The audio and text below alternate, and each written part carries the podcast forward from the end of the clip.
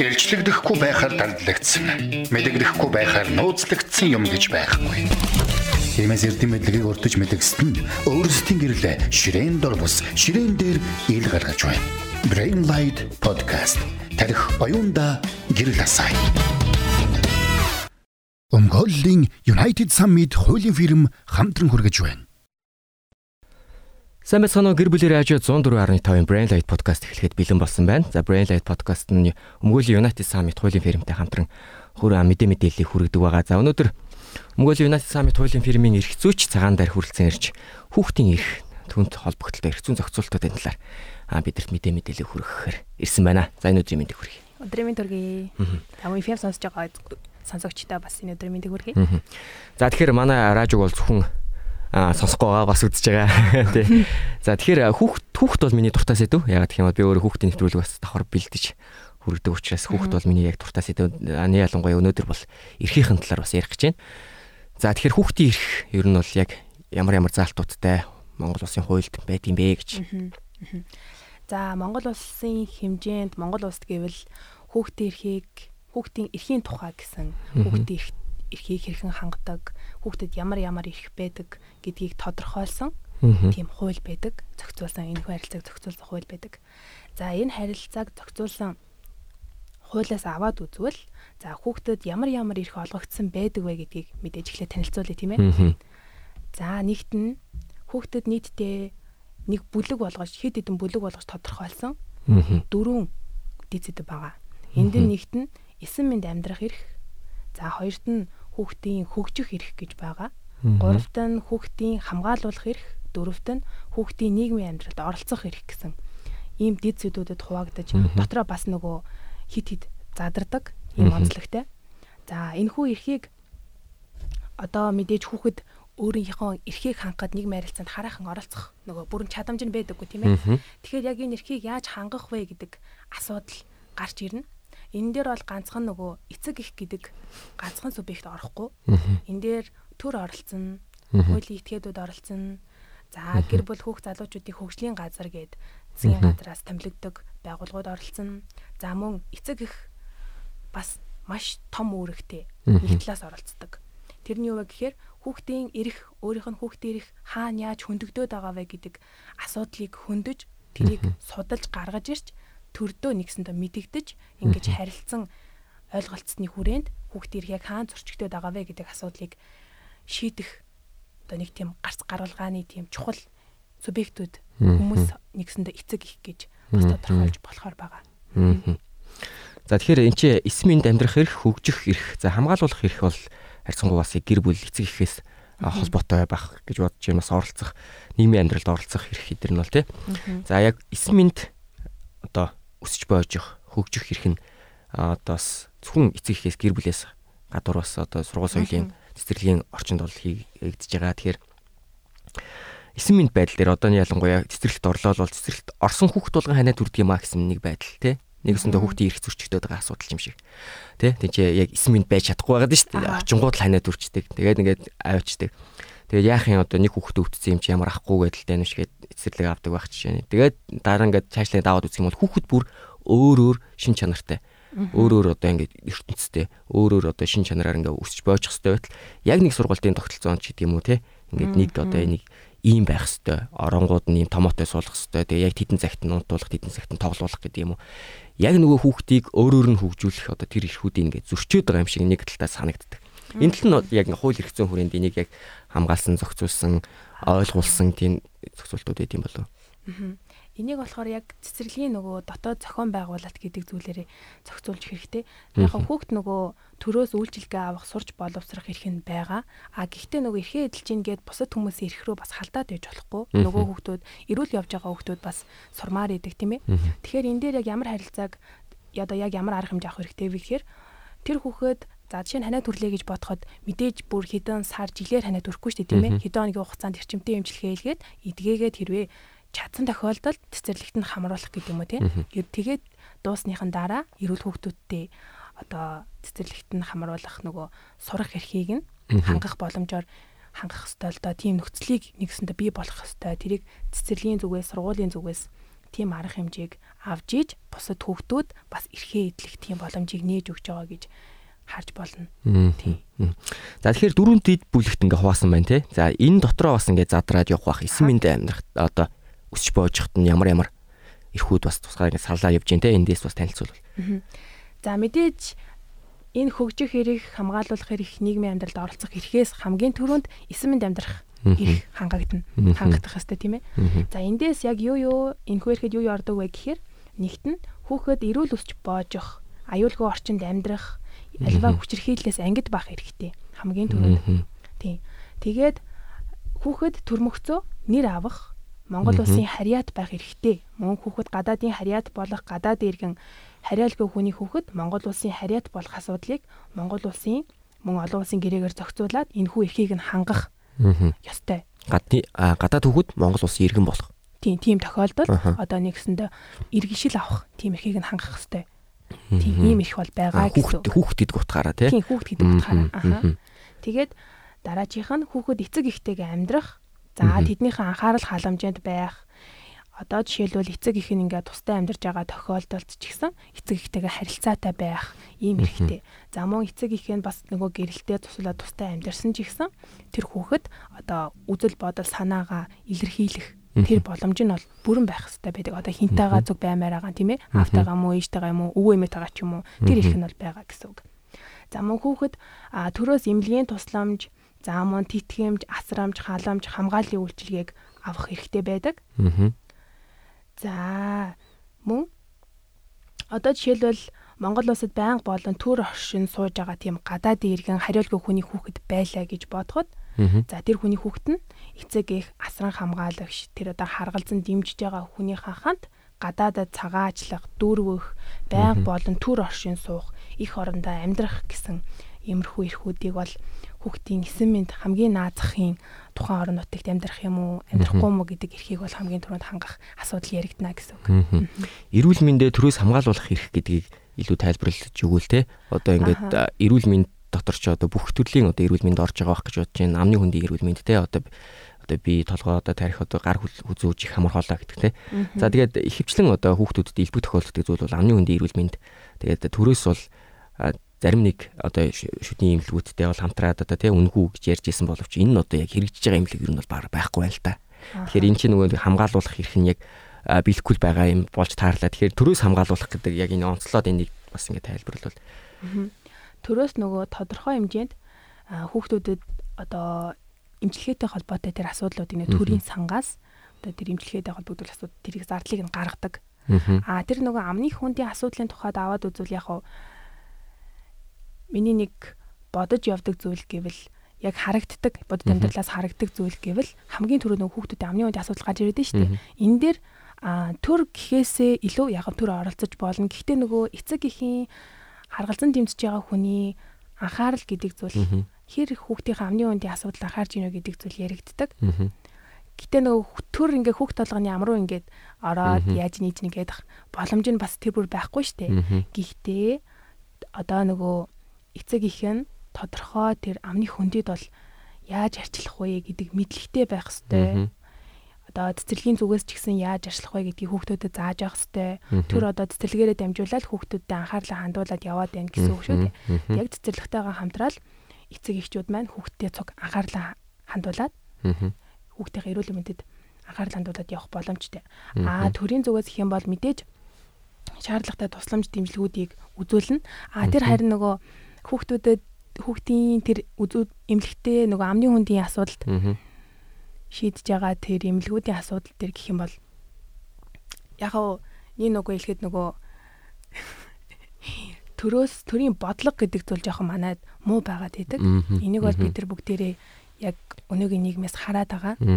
Энэ дээр яг шинжилэлт ахиц гарах байх гэж би хувьдаа найддаг. Тийм энэ дээр ч гэсэн манай эцэг эхчүүд хүмүүс харгалзан дэмж байгаа хүмүүс бас саналаа бодлоо чөлөөтэй илэрхийлээд явж байгаарэ. Төрийнхөө болохгүй байгаа зүйлүүдэд бас ингээд саналаа хийлээд өөрөөс бодлоо хийлээд итгэвтэй байгаарэ гэж хэлмээр юм. Тийм бид нар яг нөгөө одоо төр маань болохгүй байна энэ бодлого нь болохгүй байна гэж суугаад байх цаг үе бол одоо биш. Тийм. Бидний асуудлыг шийдэх хэрэгтэй. Гэтэ ямар ч тач хүүхдийн одоо эсмийн амьдрах хэрэгтэй төр бол оролцох оролцдог юм байна тий оролцох оролцох хууль эрх зүйн зохицуулттай байдаг юм байна тий. Тэгээ саяхан бас нэг өрхийн имлгүүдээр нь дамжуулаад хүүхдүүдэд үзлэг хийсэн гэдэг тэгжсэн. Тэгээ тодорхой хэмжээний мөнгөн дүнг бол зарлаад тэгээ түнд нь хүмүүс үзүүлэхдээ хангалтгүй үзүүлэлтүүд үзлэгийг бол хийж байна тий. Одоо чагнаад Тэгээд ингээд нэг сонсоод хил амын гаргаж үзчихээ. Тэгээд тэр мөнгөнд таарсан имчилгээ үзэл үзлэг хийлээ гэж үзэж байна. Энэ бол хангалтгүй байна гэж одоо үзэж байна. Гэхдээ ямар тач төр бол оролцдог юм байна гэж. За тэгээд үргэлжлүүлээд бас хөгжих одоо хамгаалуулах оролцох хэрэгүүдийн талаар бас задрагаануудыг хэлж өгвөл тээ. Аа за. За хүүхэд мэдээж хөгжих хэрэгтэр гэвэл бие махбод бод болоод оюун санаа за тэгээд нөгөө зам байдал харилцаанд гарч байгаа тэр өөрчлөлтийг хүүхдийн хөгжил гэж үздэг. За эдрийг хэд хэдэн зүйлээр тодорхойлж задлж хэрхэн тодорхойлсон. Ингэн гэвэл хүүхэд баг суур бүрэн дунд боловсролыг үн төлбөргүй эзэмших хэрэгтэй байдаг. За хүүхэд төрлөх хэл бичиг за ёс заншлаа тэр түүх соёлоо өвлөн эзэмших бас эрхтэй байдаг. Мөн оюун ухаан авиас бэлэг за тэр бие бэлтрийн ур чадвараа хөгжүүлэхэд төрөөс бас дэмжлэг авах хэрэгтэй байдаг. Нэг гэсэндээ тэрийг нөгөө сургуулаас зохион байгуулж байгаа арга хэмжээ, цэцлэгээс зохион байгуулж байгаа арга хэмжээнд дамжуулаад авах бас эрх нэгддэг гэсэн үг. За мөн шашин шүтэх, хис шүтэх, ямар шашин шүтмээр байгаагаа чөлөөтэй илэрхийл шашин шүтэх хэрэгтэй байгаа. За мөн чөлөөтэй бодож сэтгэж тэрийг илэрхийлж одоо мэдээлэл хайж хүлээн авч бусдаа ярилцаж ингэж илэрхийлэх эрх нь бас байдаг.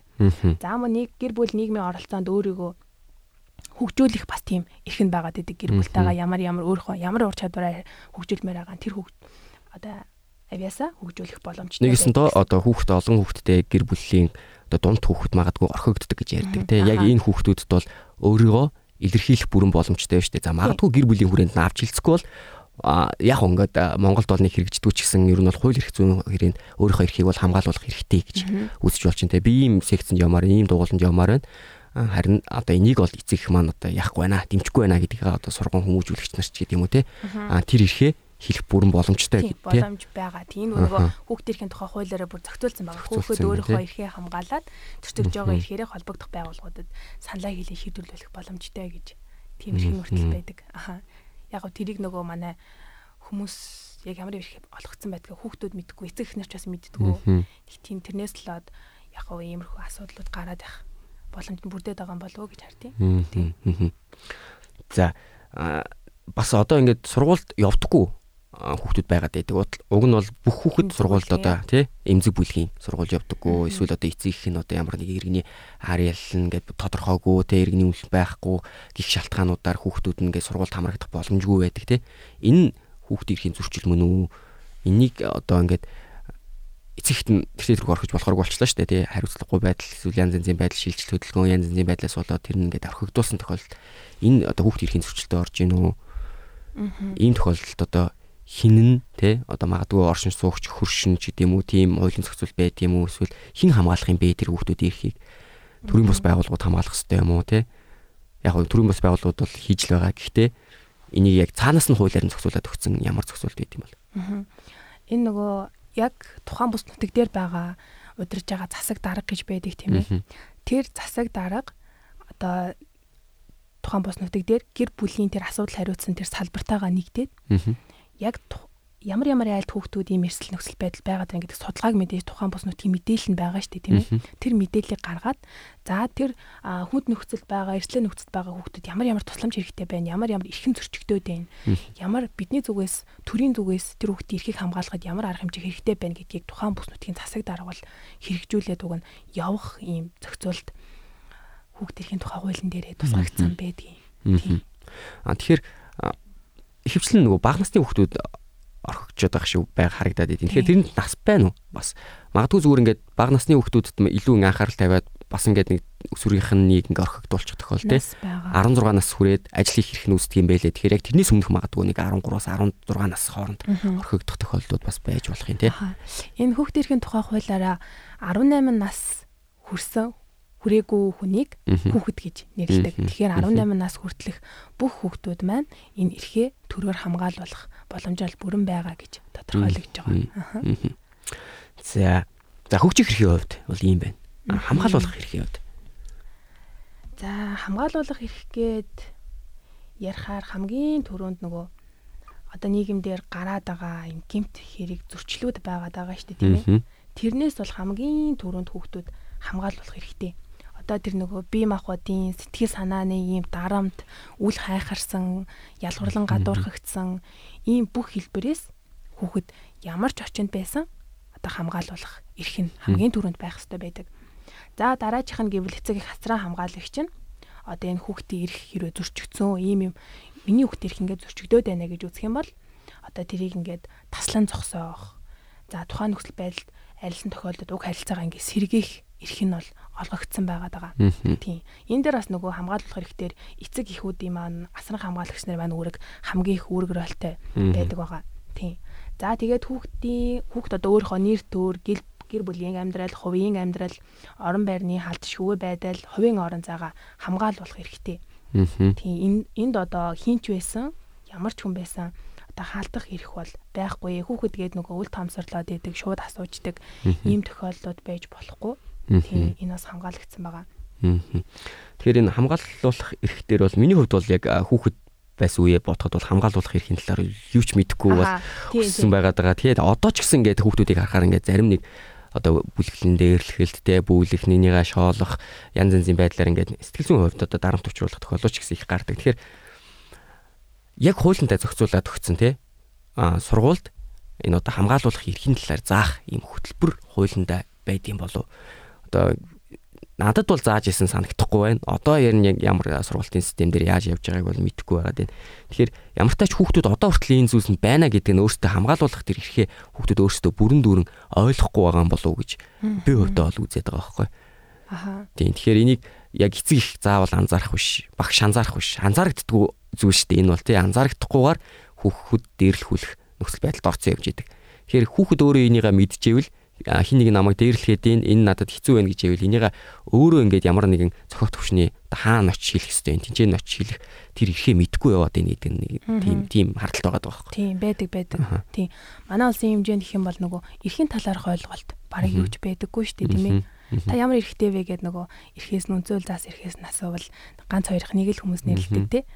Тэгтэл нөгөө хүүхдийн эрх гээд яриад өрөл хүүхдийн эрхтэй юм уу гэл зарим хүмүүс барыг тэгж орж ирэх магадaltaй байхгүй.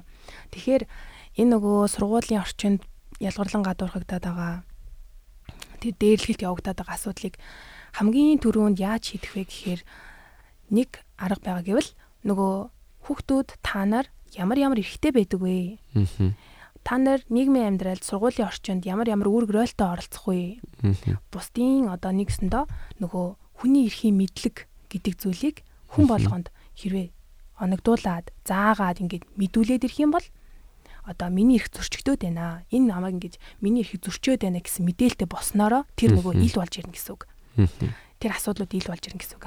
Тэгэхээр тэрийг шийдэх хамгийн ихний арга зам бол сургал зохион байгуулах тийм хүний эрхийн мэдлэгийг сургууль болгонд. За тэгээд нөгөө яг сургууль болгонд хүүхдүүд яг эрхээ мэдлээ гэхэд нөгөө дээжтний одоо жишээлбэл нийгэм дээр ингээ ажил дээр гарцсан байгаа залуучууд байж тээ тийм ээ. Бид нар ах ихснэр ч бас байна тэд нар бас нөгөө хүний эрхийн мэдлэг гэдэг зүйл хомос байдаг. Гэхдээ тэгэхээр энэ хүүхдийн эрхийн асуудлыг яаж шийдэх вэ гэхээр салбар болгон дээр, талбар болгон дээр бүх хүмүүст хүний эрх гэдэг зүйл юм байдаг. Хүүхдийн эрх гэдэг зүйл юм байдаг. Төрийн үйлчилгээ гэдэг зүйл юм байдаг. Энэ дээр хүний эрхийг ингэж хангах ёстой гэдэг зүйлийг цогцоор нь ингэж хүний эрхийн мэдлэгийн тэм хөтөлбөр явуулсны үндсэн дээр энэ хүний эрхийн зөрчигдөд байгаа асуудлыг нийгэмдэр ил гаргаж ирэх бүрэн боломжтой гэж би хувьд таардаг. Тийм. Хүний эрхийн мэдлгүүгээсээ болоод өөр хэрэг зөрчдөд байгаа хүмүүс мэддгүү. Тийм болохоор хамгийн ихний алхам энэ байгаа. Тэгэхээр маш их хүүхдийн хувьд бол маш их олон эрх байгаад байна тий. Одоо одоо зөвхөн хамгаалуулах эрхтэр нь л их хвчлэн манах түлхүү одоо хүч хэрхлэлээс хамгаалах үүднээс зорилгоос тэр сурчлагаануудыг хийж гин тий. Тэгэл тэр байдал нь л их харагдаад байдаг. Хүүхэд зөвхөн одоо хүч хэрхлэлээс хамгаалуулах хэрэгтэй юм шиг ойлголт байдаг бол одоо энэ ч тий эрүүл мэнд хөгжих тий тэгээ оролцох нийгмийн харилцаанд оролцох гэх мэт эрхүүд бас давхар цаана явж шít тий. Тэгэхээр нийгмийн харилцаанд орох эрх ингээд тэгэхээр манай хүүхэд нийгмийн харилцаанд яаж орох юм бэ гэд бас асуулттай байж байгаа хүмүүс бас байж болох юм тий. Юу гэсэн үг вэ? Манай хүүхэд нийгмийн харилцаанд орно гэхээр яа гэсэн үг вэ гэдэг ч юм уу тий. За энэ дээр Мм юу байдаг вэ гэхээр хүүхдийн нөгөө нас насны онцлог байдаг шүү дээ. Би биеийнх нь онцлог одоо наснаас хамаарат сэтгэхгүй онцлогоос хамаарат хүүхэд одоо юм хуулиар хориглоог арга хэмжээнд одоо нэг тэр арга хэмжээ нээлттэй өөрийнхөө үзэл бодлыг илэрхийлээд оролцох боломж нь байдаг. Нэг аав ээж нар яг нэг хүүхдийн онцлог хүүхд нэг ингээ хүсээ тэрэнд ингээд татагдаад нэг онцлогоос хамаарат арга хэмжээнд юм уу янз бүрийн үйл ажиллагаанд оролцох хахад нэг хориглох тийм тохиолдол байдаг. А гэхдээ тэрэн дээр тийм тохиолдол тэрвээ байгаа бол аль хоор нөгөө нээлттэй хүүхдээ нийгмийн харилцаанд оролцох тэр эрхийг нь хангах үүднээс одоо тэрэнд оролцуулж байгаарэ гэж би хувьдаа уриалмаар байна. Нэгт нь бол энэ байгаа даа. Тийм арга хэмжээнд оролцож эвлэлт нь нэгдэх боломжтой байгаа. За тэгээд одоо өөрийнхөө нөгөө яг тулгамдаад байгаа асуудал дээрээ одоо юу ч тулгамдж болно шүү дээ тий. Ямар ч асуудал гарч болно. Тэрэн дээрээ шийдвэр гаргаад өөрийнхөө үнэлтээ өгөх энэ юм байна, тийм байна гэсэн шийдвэр гаргаж үйл бодлоо илэрхийлэх одоо багштай хэлэх гэдэг юм уу сургуулийнхаа захиргаанд хэлэх гэдэг юм уу бүр цааш наашлуул нөгөө цэцэрлэгийнхаа захиргаанд хүртэл хүүхдэд хэлэх боломжтой байгаа. Одооны хүүхдэд айгу гэрхэ болцсон байгаа даа шүү дээ тийм ээ. Мэдлэгэн ч гэсэн бас бид нарыг бодвол арай гайгүй дээгүүр бас болоод байгаа. Тийм боломж бас байгаа. За тэгээд одоо чи нэг хүүхдүүд ийм янз бүрийн бүтээлүүд гаргадаг шүү дээ тий. Одоо шинэ тоглоом зохиогоод эхэлсэн байна тий. Хүүхдүүд энэ одоо энэ бүтээлтэй холбоотой энэ асуудлаа одоо өмчлөх одоо өөрийнхөө өмч өмч болгох үр шимийг нь хүртэх одоо чи нөгөө цалин авах ч гэдэм үү төлбөр авах ч гэдэм үү тийм холбоотой үр шимийг нь хүртэх тийм боломж бас байгаад байгаа. За тэгээд бас цаашлбал нөгөө хүүхд гэр бүлтэй холбогдуулаад нөгөө өмчлөх гэдэг асуудал бас яригдана. Өмчлөх, эзэмших одоо ажил үйлчлэгээ хийл одоо ч үл ажил мажил хийлээ гэж бодоход тийм ээ хүүхэд мэдээж өөрийнх нь насан тохирсон ямар ч ажлыг хийх боломжтой шүү дээ тэрнийхээ цалин урамшууллыг бас авах бүрэн боломжтой байгаад байгаа Тийм. Тэгээ бас нөгөө энэ олгогдсон эрхүүдээ идлээд миний эрх зөрчигдөөд байна. Би ийм эрх эдэлмээр байна гэсэн шаардлага бас тавих бүрэн боломжтой байгаад байгаа. Тийм. Тэрийн ч гэсэн бас хууль эрх зүйн хүрээнд бас өөр хүмүүс ч гэсэн шийдэх бүрэн боломжтой. Тэгээ хүүхдийн эрхийг хамгаалах боломжтой байна. За үүн дээр хөгжлийн бэрхшээлтэй хүүхдүүд дээр яг их гарах гардгийн болов уу гэж бас бодож байна. Нийгмийн харилцаанд орох эрхийн эцэгчүүд өөрсдөө ингээ хаачдаг тий. За чадахгүй юм чинь тий. Эвгүй байдалд орох юм чинь өөрөө сэтгэл зүйн хувьд гимтэл авчих бах гэсэн байдлаар ч гэдэм үү эсвэл өөрсдөө бас түүхших байдлаар ч гэдэм үү их яадаг бах зөрчдөг болов энэ бол зөрчил мөн үү? Тий. Энэ нөгөө нийгэм дээр бүр хамгийн их эмзэг асуудал болж гарч ирдэг л тий. Яг ингээд харуул яг хөө хүүхдүүд оролцмоор байдаг гармаар идэг хүүхдүүдэд тогломоор идэг тэр онцлог нь байгаад идэг. Гэхдээ нөгөө манай орчин гэдэг зүйл ярьж гар орчин гэдэг зүйл яригдана. Хүүхдийн тоглоомын тал байна. Одоо тэр хүүхдүүдэд зориулсан байгаа юу? Стандартыг хангасан байгаа юу? За тэр хүүхд гэрээсээ гараад нийгэмдэр оролцоход тэр явууны зам нь хангагдсан байгаа юу? Стандартын дагуу байгаа юу? Боржуур тавьсан байдаг те? Налуу зам байдаггүй. Тийм зүйлүүд ярьж асуудал гарч эхэлдэг. Тэгэхээр тийм жижигхэн зүйлээс болоод нөгөө оролцох, нийгэмд оролцох боломж нь хаагдаад идэг гэсэн үг. Гэртэл байгаад идэг гэсэн үг. Тийм. Хэрвээ яг нэг тэр боломжуудыг нь гаргаж ирвэл илүү нээлттэй болж ирнэ. А нэгт нь энэ. А хоёрт нь гэх юм бол нөх хүмүүсийн сэтгэлгээ гэдэг зүйл гарч ирдэг. Тархины саажилттай хөвгт байна, даунтай хөвгт байна, тэрэгэнцэртэй хөвгт байна яг нөгөө хүний онцлог л байдаг л та тэр яаж төрж болно тийм ээ? Тэрийг бид нар ойлгох хэрэгтэй. Тэрийг ойлгуулах тийм арга хэмжээг авах хэрэгтэй гэсэн үг. Одоо тархины саажилтаа хөгт хажуудалд ингээд татгана байгаад хахад ээж наанаас хоолд чамайг яаж чих юм бэлээ гэсэн ийм яриа зөндөө байдаг. тийм. Тэгтэл энийг арай өөр замаар шийдэх хэрэгтэй. Энэ хүүхдийн онцлог нь юм ээ. Одоо ингээд хэрэгдэд бас боловсрол хэрэгтэй байна тийм. Мэдлэг хэрэгтэй хүнийхэн мэдлэг хэрэгтэй. Энийг ингэж ойлгуулсны үндсэн дээр тэр хүүхэд одоо нийгэмдээ орох нийгмийн харилцаанд орох тэр их нь хангагдана гэсэн үг. Ганцхан тэр хүүхэд нийгэмдэр орох гээд гарлаа гэхэд нийгэм нөгөө тэгж хүлээж аваад байгаа юм чи яаж гарах юм бэ тийм ээ. Нэг юм нөгөө судалгаа байдэн штэ. Хөгжлийн бэрхшээлтэй за тэр хөгжлийн бэрхшээлтэйхээр бас жоохон онцгой байдаг тийм нөгөө онцгой хүүхдүүдэд хүүхдүүдийн асран хамгаалагч нар аваад үзэхээр бусад жирийн хүүхдүүдийн аав ээж нараас илүү нөгөө хорт хавдраар өвчлсөн тохиолдлууд нь айгүй их байна гэж байгаа гэдэг. Энэ яагаад вэ гэхээр нөгөө хүүхдийн тэр мэдэрж байгаа нийгмээс хүлээж авч байгаа сэтгэл зүг хасраа хамгаалж байгаа хүн өөрөө аваад идэг. Тэр хүүхэд яг бүрэн ойлгохгүй тийм ойлгохгүй шүү дээ тий саажилтаа хүүхэд ойлгохгүй бүрэн ойлгохгүй даунтаа хүүхэд бүрэн ойлгохгүй яг ингээд тийм хүүхэд тохиолдол байгаа. Тийм болохоор бид нар энэ ойлголтыг нэмэгдүүлэх хэрэгтэй байна. Орчноо бүрдүүлж хэрэгтэй байна. Ийм хоёр асуудал хамгийн түрүүнд гарч ирж байгаа. Би нэг удаа яг нөгөө тэрхэн цэртэй явж үтсэн. Гудамжаар Тэгээ явж үтсэн ганцаараа явхад үнэхэр хүндрэлтэй байдаг. Яг одоо нэг юм утасны ийм дов байгааз энэ байхад л тэрхэн зэрэгтэй хүн яг тэрүүн дээгүүр давахгүй айгүй хэцүү байдаг. Тэгээ гарцаар гарах гэхэд нэг нь яг налуу замтай байдаг, нэг нь боржууртай байдаг, нэг замын хоёр тал штий. Ийм хөө тохиолдол зөндөө байдаг. Тэгэл төрийн үйлчлэгээрөө төрөө үйлчлэг авахаар ингээ хороо лугаа ороход хорооны нөгөө налуу зам байдаг штеп тэрүүнгээр орох боломж ганцаар орох боломж юуж байхгүй. Тэгэхээр нөгөө би чи нас биеийн төрсөн хүн байгаад байгаа, эрүүл хүн байгаад байгаа штеп. Гэтэл нөгөө өвчтөн хүмүүс тэрхэн зэртээ яаж тэгэж явах вэ? Хүүхдүүд яаж нийгмийн харилцаанд тэгэж оролцох вэ? Уг нь бол ганцаараа бие дагаад ормоор идэг. Тэгтээ орчин байдаггүй. Нийгмийн хандлага нь тийм байдаг. Ийм хөө тохиолдод байгаад байгаа. Яг үнтэй адилхан бас яг за магадгүй ингээ хөгжлийн бэрхшээлтэй хүүхдүүдэд бас ингээ зөрчигдөж байгаа эрхүүд нь байгаад байна яг одоо бидний бас ингээд эрүүл байгаа хүүхдүүдийн дийлэх байгаа хүүхдүүдийн маань зөрчигдөж байгаа талбарууд бас юу юу байгаа тийм тийм хөвчлэн юун дээр их зөрчигдөж байгаа шиг байна. Аа. Нөгөө нэг талбар гэх юм бол юу байдаг? Хүүхдийн тоглоомын талбай гэдэг зүйл яригдаг. Хүүхдүүд л юм чин тоглох гэж л яарна штэ тийм ээ. Юу ч байсан тоглоом болгоод тоглолцдог. Тэгээд энэ дээр яригдана яригж байгаа нэг зүйл юм бол мэдээж бидний одоо амьдарч байгаа орчин өөрчлөгдөж байна те илүү нэгтар шалтай хотын төв рүү болж ирж байна. Энэ дээр тоглоомын талбай стандарт гэдэг зүйл яригдана. Тэгэхээр энэ тоглоомын талбай стандарт гэдэг зүйлийг хангаагүйгээс болоод Монгол Улсын хэмжээнд маш олон хүмүүс бэрцээр байгаа, амь насаа алдсаар байгаа ийм тохиолдол маш их байгаа. 4 сарын дотор нэг сарын дотор тоглоомын талбайн тэр тоглож байгаад амь насаа алдсан хүүхэд нийтдээ 27 гэсэн судалгаа гарсан байгаа. Энэ бол маш их тоо тийм ээ. Тэгэхээр энэ дээр бид нар ямар арга хэмжээ авах ёстой байдаг вэ гэхээр тоглоомын талбайн MNS 6751 2019 гэсэн хүүхдийн тоглоомын талбай стандарт байдаг. Энэ яадаг вэ гэхээр 2 сартаагаас 23 сартай. За нэг төрөл. 2-оос 5 настай нэг төрөл 5-аас 12 настай ингээд 3 хүүхдийн насны онцлог тааруулаад тэр тоглоомын талбайг стандартад нийцүүлж барих хэрэгтэй байдаг. Аа. Бүр ийм нарийн стандарттай. Стандарттай. Аа, хуушландаа бүр заагаад өгсөн. Тийм. Энэ стандартыг дагаарай гэдэг. Аа, гэхдээ баригдж байгаа яг нэг стандартын дагуу баригдж байгаа тоглоомын талбай гэвэл нэг баг Монголд нэг ганц хоёр байна уугүй юу байгаа. Тийм. Тэгээд энээс гадна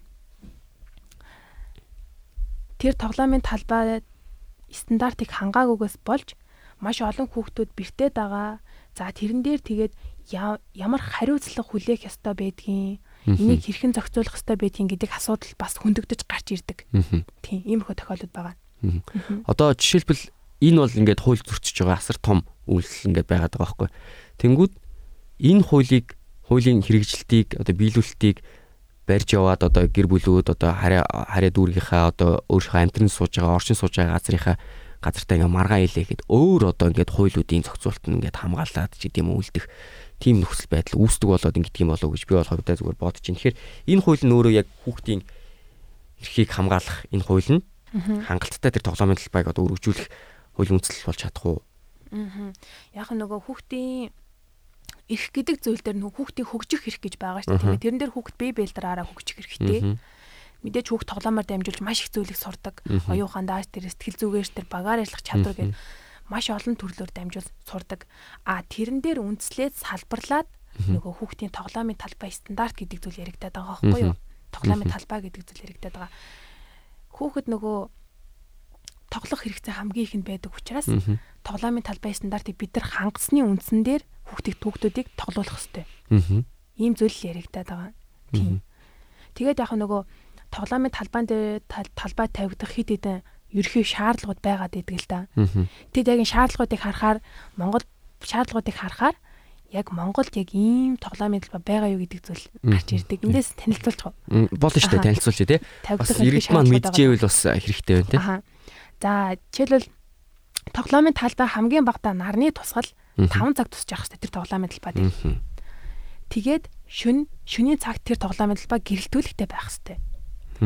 За тэгээд цаашлбал одоо тэр тоглоомын талбай руу одоо чи орлоо шүү, гарлаа шүү гэсэн юм орц гарцсан дээр юм тэмдэглэгээ байх хэрэгтэй.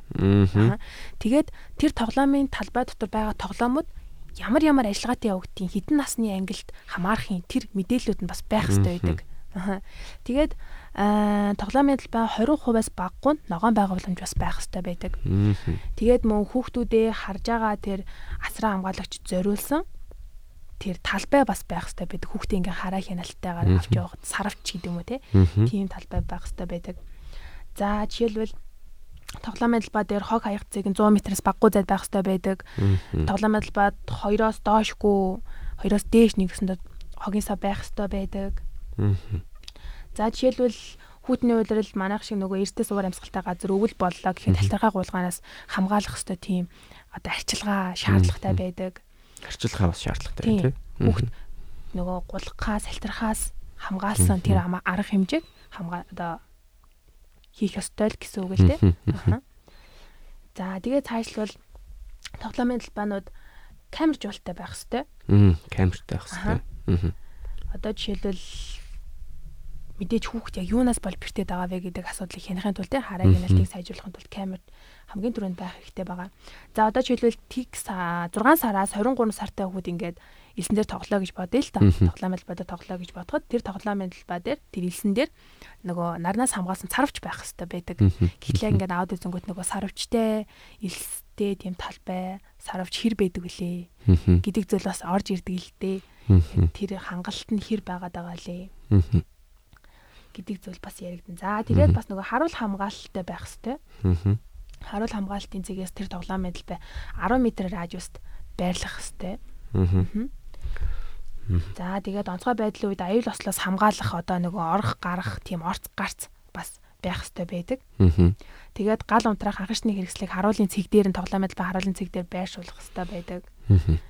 Тэгээд мөн хүүхдийн тоглоомын талбай бүсийг одоо хилэн цахилгаан дамжуулах, агаарын шугамын доор, газар доорх цахилгаан дамжуулах кабель, дулааны сүлжээний худаг одоо дамжуулах хоолойн дээр инженерийн хангамжийн одоо тэр үзлэгийн хянаалт тохируулаг тийм худаг худагаас 5 м-с хол зайд байх ёстой гэж үзээд байгаа. Тэгтэл нөө тоглоомын талбайд янз бүрийн шугамууд, станцууд байгаад байдаг шүү дээ тийм ээ. Тийм утсууд байгаад байдаг. Иймэрхүү зүйлүүд бас яригадаад хэлдэг. Одоо чи нөгөө түрээ нөгөө 3 төрөл хүүхдийн насыг 3 төрөл хуваагаад авч үзсэн шүү дээ. Тэр 6 сараас 23 сартай хүүхдийн тоглоом бол 50 м квадрат байх хэвээр. Тийм. Тэгээд 2 наснаас 5 нас хүүхд 5 настай хүүхдүүдийн талбай 100 м квадрат байх хэвээр. Тэгээд 6 наснаас 12 настай хүүхдэд зориулсан талбай нь 150 м квадрат байх хэрэгтэй гэсэн иймэрхүү ерөнхий хэд хэдэн шаардлагууд байгаад байдаг. Тус тустай байх нь шүү дээ. Тэгээ миний бол ингээд дотроо ингээд төсөөлж исэн одоо газруудаас бол хав илүү өвөр гараа явчлаа. Бүр одоо ингээд Монгол байхгүй ингээд дүр зураг шууд ингээд нүдэнд бууж байна. Тэгэхээр за тэгэхээр ерөнхийдөө бол ингээд эдгээр эрхүүдийн талаар одоо бол ингээд хүүхдүүд ингээд тоолох хэрэгтэй. Бид нар одоо бас амттын хүүхэд бас амттан идэх хэрэг байна те. Тэгээд ир эрхүүдийн одоо бид нар бол энэ хүүхдийн баяраар ингээд хангаж өгдөг. Энэ бол хүүхдийн эрхийг хамгаалах өдөр. Тийм учраас яг эдгээр эрхүүдийг бид нар бас нэхэж байх нь өөр айгуу чухал юм болов уу гэж бас бодож байна. Тэгээд нэг зүйлийг асуумаар санагдаж байна юу гэх юм бол энэ тоглоомын талбай дээр гардаг хүүхдийн эрх хүүхдийн эрх эрхээ зөрчдөг нэг асуудал гарч ирдэг. Хүүхэд хоорондын юм аргаан тий хүүхд нэгэндээ халтах тохиолдол байгаад байдаг тий. Энэ дээр бол хүүхдийн эрх зөрчигдөж байна гэж үзэх бах. Магадгүй яг нөгөө бие хүн гэдэг утгаар нь те хүний эрх зөрчиж чинь гэж үзэх бах. Тэгэхээр энэ дээр зохицуулах байгаа зохицуулт магадгүй юу гэдэг юм болоо? Энэ талаас болж бас маргаан үсгдэг хүмүүс байдаг юм болоо? Магадгүй хүүхдүүд л бол хүүхдүүд ч те барьж байгаа ямаараа зогчдөг хүнд гимтэл учруулцдаг те. Гих мэтсэн зүйл дээр хуулийн ямар зүйл байна? Хит хит нөгөө юу байгаа л да? Нөхцлүүд бий болоод байгаа л да. Хамгийн түрүүнд гэх юм бол а нөгөө тоглоомын талбай хүрэлцээ гэдэг зүйл яригдэж эхэлнэ. Тоглоомын тоглоомоо булаацалтай хоорондоо муудалцдаг. Бөөндөө шаваа тоглох гээд нөгөө тоглоомдо дурлаад идэг. Тэгтингээ булаацалтаад идэг. Би тоглон чи тоглон гэх нэгнийгээ түлхээ унгаачдаг. Иймэрхүү тохиолдлууд бас байгаа. Аа дараачих нь гэвэл нөгөө гэр бүлийн хүмүүжил гэдэг зүйл бас тоглоомын талбай дээр гарч ирдэг. Ярих нь тий бас. Тийм тэр зүйл бас яригдана. За тэгээд нөгөө одоо иймэрхүү зүйлүүд хамгийн түрүүнд гарч ирж байгаа. А тэр нөгөө хүүхдүүд хоорондоо маргалдаад байгаа асуудлаар аав ээж нар хацраа хамгаалагч нар нилээн дуйлан шуугантай тиймэрхүү тохиолдлууд гаргаж ирдэг шүү дээ тийм ээ. Тэрэн дээр яг нөгөө хүүхдийн онцлог гэдэг зүйл байна тийм ээ. Насны онцлог гэдэг зүйл байна. Зөрүүдэлдэг нас гэж байна. Хүлээн зөвшөөрдөг нас гэж байна. Энэ онцлогийг нөгөө мэдхгүйгээсээ болоод хүүхдүүд угаасаа л бие биентэйгээ ингэж нөгөө би бинийгаа шогломоор санагддаг нас гэж бас байдаг шүү дээ. Энэ зүйлийг нь ойлгоод одоо нөгөө тэр хүүхд мэдээж л өсөж явж байгаа алтаатай дөнгөж амьдрал дээр хүл тавиа явж байгаа хүмүүс болохоор тэрэн дээр аав ээж нар асраа хамгаалагч нар байна. Нилээ нөгөө нухацтай, дуулууртай тайван уул сууртай хандаасаа гэж би хувьдаа хүсдэг. Нөгөө хүүхдэд зааж зөвлөөд нөгөө жижигхэн асуудлыг тэгж том болгож дэвэргэж нөгөө жоохон хүүхэд насанд нь тийм том шаарах үлдээхгүйгээр асуудлыг шийддэг байгаасаа гэж хүсдэг. Яг үнэхээр хүнд гэмтэл учруулсан байвал мэдээж эцэг их хуулийнхаа хүрээд хүүхдийнхээ өмнөөс хариуцлага хүлээн. Иймэрхүү тохиолдлууд бол байгаа. Тийм. Гэхдээ энэ дээр нөгөө мэдээж аав ээжийн хараа хяналт гэдэг зүйл бас яригдана. Хүүхдийн хараа хяналттай байлгаагүйгээс өөр хүний хүүхдэд одоо хохирол учруулдаг. Хүүхдийн анхаарал халамжтай байгаагүйгээс болоод өөр хүүхэд одоо өөрийнх нь хүүхдэд хохирол учруулдаг ийм тохиолдол байгаа. Тийм болохоор хин хин руугаа буруучих боломж байхгүй хүүхдийн асуудал дээр хин хин анхаарал халамжтай байж ийм нэгт уялдаа холбоотой байсны үндсэн дээр л одоо тэр үүсэт байгаа асуудлыг шийдэх одоо гол гарц гаргалгаанд болох боломжтой гэсэн үг.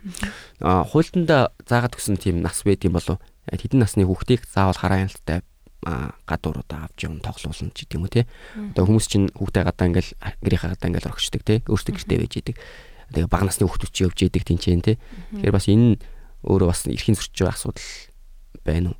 Аа энэ дээрээс болохоор яг тийм тодорхой нөгөө тэр хүүхдэд хараа хяналт хэрэгтэй гэсэн зохицуулт байхгүй. А гэхдээ а нөгөө хүүхдийн онцлогоос л хамаарна л да. Тэр хүүхэд ярьж чадж гинөө сонсч чадж гинөө гэдэг онцлогоос хамаарна. А хэрвээ ингийн хүүхэд байх юм бол мэдээж хүүхдийн онцлогоос хамаарал хүүхдийн хараа хяналт тавих уу яг уу гэдэг асуудал. А мөн нөгөө тухайн тоглоомын талбай орчин гэдэг зүйл хэрэгтэй. Аа бас тэр тоглоомын талбайд бас нөгөө өндөр настай хүмүүс байдаг штэ цаар авчил зүүдэг. Тэр хүмүүсийн анхаарал хяналт бас айгу чухал нөлөө үзүүлдэг. Эцэг эхнэр хэрвээ тэр хүмүүстэй холбоотой байвал аа заавал нэг хүүхдийн хараа хяналт гэдэг зүйл өөрөө шийдэхгүйгээр тэр хүмүүсээр дамжуулаад шийдэх боломжтой байдаг. Иймэрхүү тохиолдол бас байдаг. Яг нь насын аваад үзнэ гэвэл 12 хүртэл юм уу 13 хүртэл насны хүүхэдтэй хараа хяналттай нөгөө уцаар ярьдаг ч гэдэг юм хаана явж ийн яаж ийсэн гэсэн иймэрхүү нөгөө хүүхдийн онцлогоос хамаарал хараа хяналттай тавих шаардлагатай гэж би хувьдаа боддог.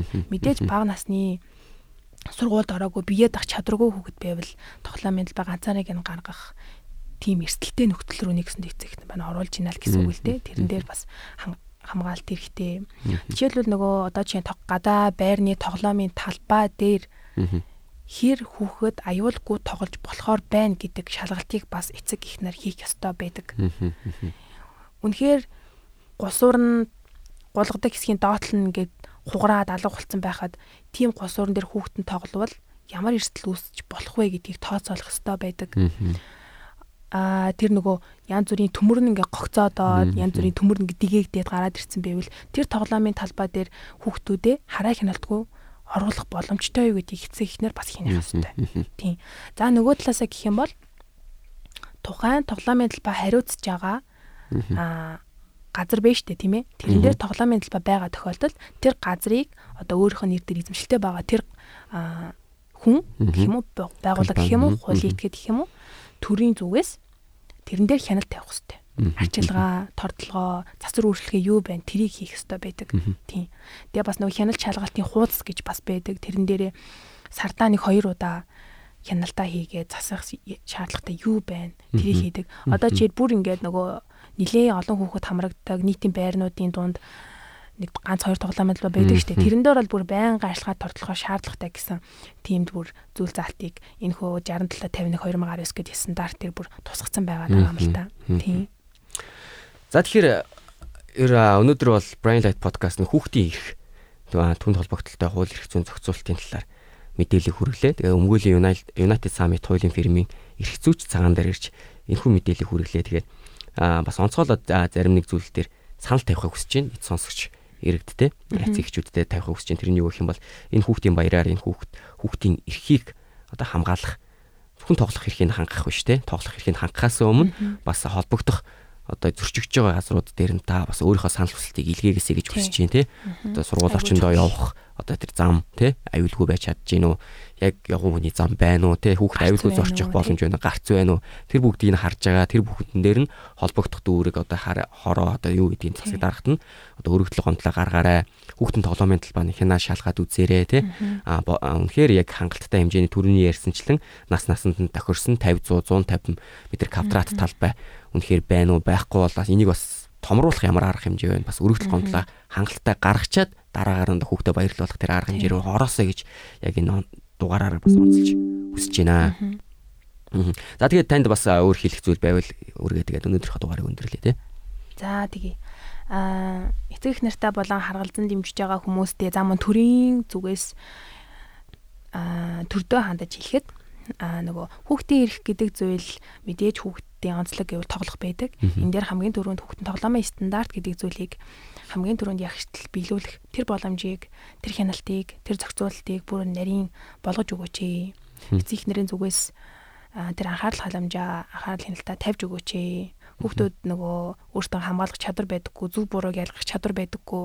Тэр онцлогийг нь харгалзан үзээд хүүхдийн аюулгүй өөрийнхөө хүүхдийн бусад хүүхдийн одоо Монголын ирээдүйн хүүхдийн тэр аюулгүй байх нөхцөлийг бүрдүүлэхэд өөрийгөө өөрөөрөө үзэл бодлоо чөлөөтэй илэрхийлж бүгдээрээ гар бие оролцоосай гэж хувьдаа хүсэж байна. За маш баярлалаа. Тэгээд өнөөдөр Өмгөл United Summit хуулийн фирмийн эрх зүйч цагаан дээр ирж хүүхдийн эрхийн тухай за зохицуултын талаар танилцууллаа. За баярлалаа. Подкастик Өмгөлийн United Summit хуулийн фирм хамтран хүргэлээ.